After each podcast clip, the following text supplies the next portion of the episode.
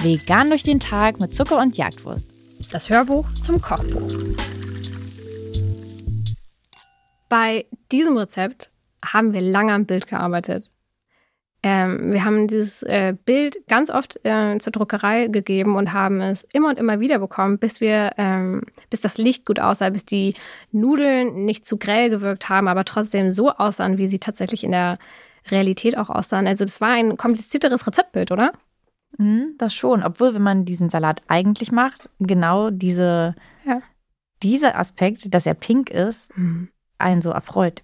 Ja, auf jeden Fall. Aber ja, für die Bildbearbeitung war es tatsächlich gar nicht mal so einfach. Ähm, schön, dass ihr den machen wollt. Ich kann es verstehen. Man sieht den und hat darauf auf jeden Fall Lust. Er ist auch ganz schnell gemacht.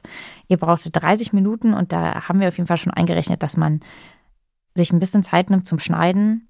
Ich würde sagen, wenn ihr schnell seid beim Schneiden, kriegt ihr es vielleicht sogar in 20 Minuten hin.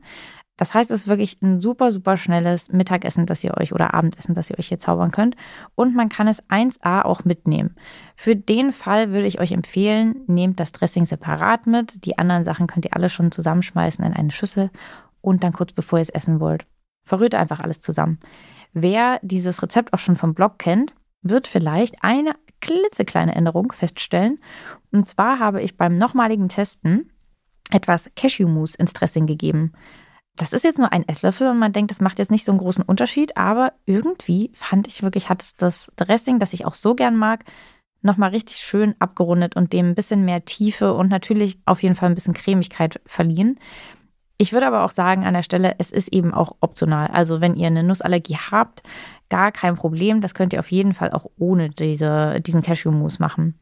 Ansonsten aber ist natürlich auch ehrlich gesagt, obwohl es das Signature-Ding dieses Rezepts ist, optional, ob ihr rote Betesaft dran gebt oder nicht.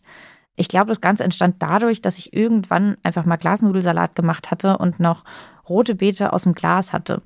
Das habe ich dann dazugegeben. Das heißt, ich habe gar nicht explizit nur den Saft dazugegeben, aber selbstverständlich haben sich dann trotzdem die Glasnudeln pink gefärbt. Und das sah aber so hübsch aus, dass wir das dann auch so für den Blog im Prinzip entwickelt haben. Das heißt, aktuell ist da gar keine rote Beete mehr drin, sondern nur noch der Saft. Wenn ihr keine rote Beete mögt, müsst ihr dafür jetzt aber natürlich auch nicht unbedingt extra rote Betesaft kaufen. Das heißt, dann lasst ihn einfach weg. Der wird auch sehr, sehr gut schmecken, wenn er nicht pink ist. Was ich aber nicht skippen würde, ist übrigens das geröstete Sesamöl. Ich finde, das unterschwellig generell geröstetes Sesamöl zu Hause zu haben, immer eine gute Idee. Das ist wirklich teilweise, wenn man gar keine Lust hat, ein Dressing für einen Salat zu machen, gebe ich nur geröstetes Sesamöl dazu. Ja, verstehe ich. Es riecht schon schön. Man riecht schon gerne in ja, der Flasche. Das wow. Ganz, ganz das klingt irgendwie, als wäre ich süchtig. Naja, genau, aber es ist auf jeden Fall ein richtig herrliches ähm, Sommeressen. Es ist ähm, sehr erfrischend. Limette, Gurke, Mango sind drin. Ähm, also ich finde, das ähm, schreit so ein bisschen nach Sommer, nach über 25 Grad, nach auf dem Balkon sitzen, nach im Garten rumschlummern. Ähm, ist ein richtig, richtig schönes sommerliches Essen. Und wenn ihr das eher im Herbst macht, dann kann man natürlich auch die Zutaten ein bisschen austauschen, oder? Auf jeden Fall. Könnt ihr machen. Man könnte auch zum Beispiel super noch äh, Tofu reinmachen. Das haben wir zum Beispiel nicht drin, aber man kann es auf jeden mhm. Fall noch entwickeln, wenn man das Gefühl hat, das reicht einem noch nicht.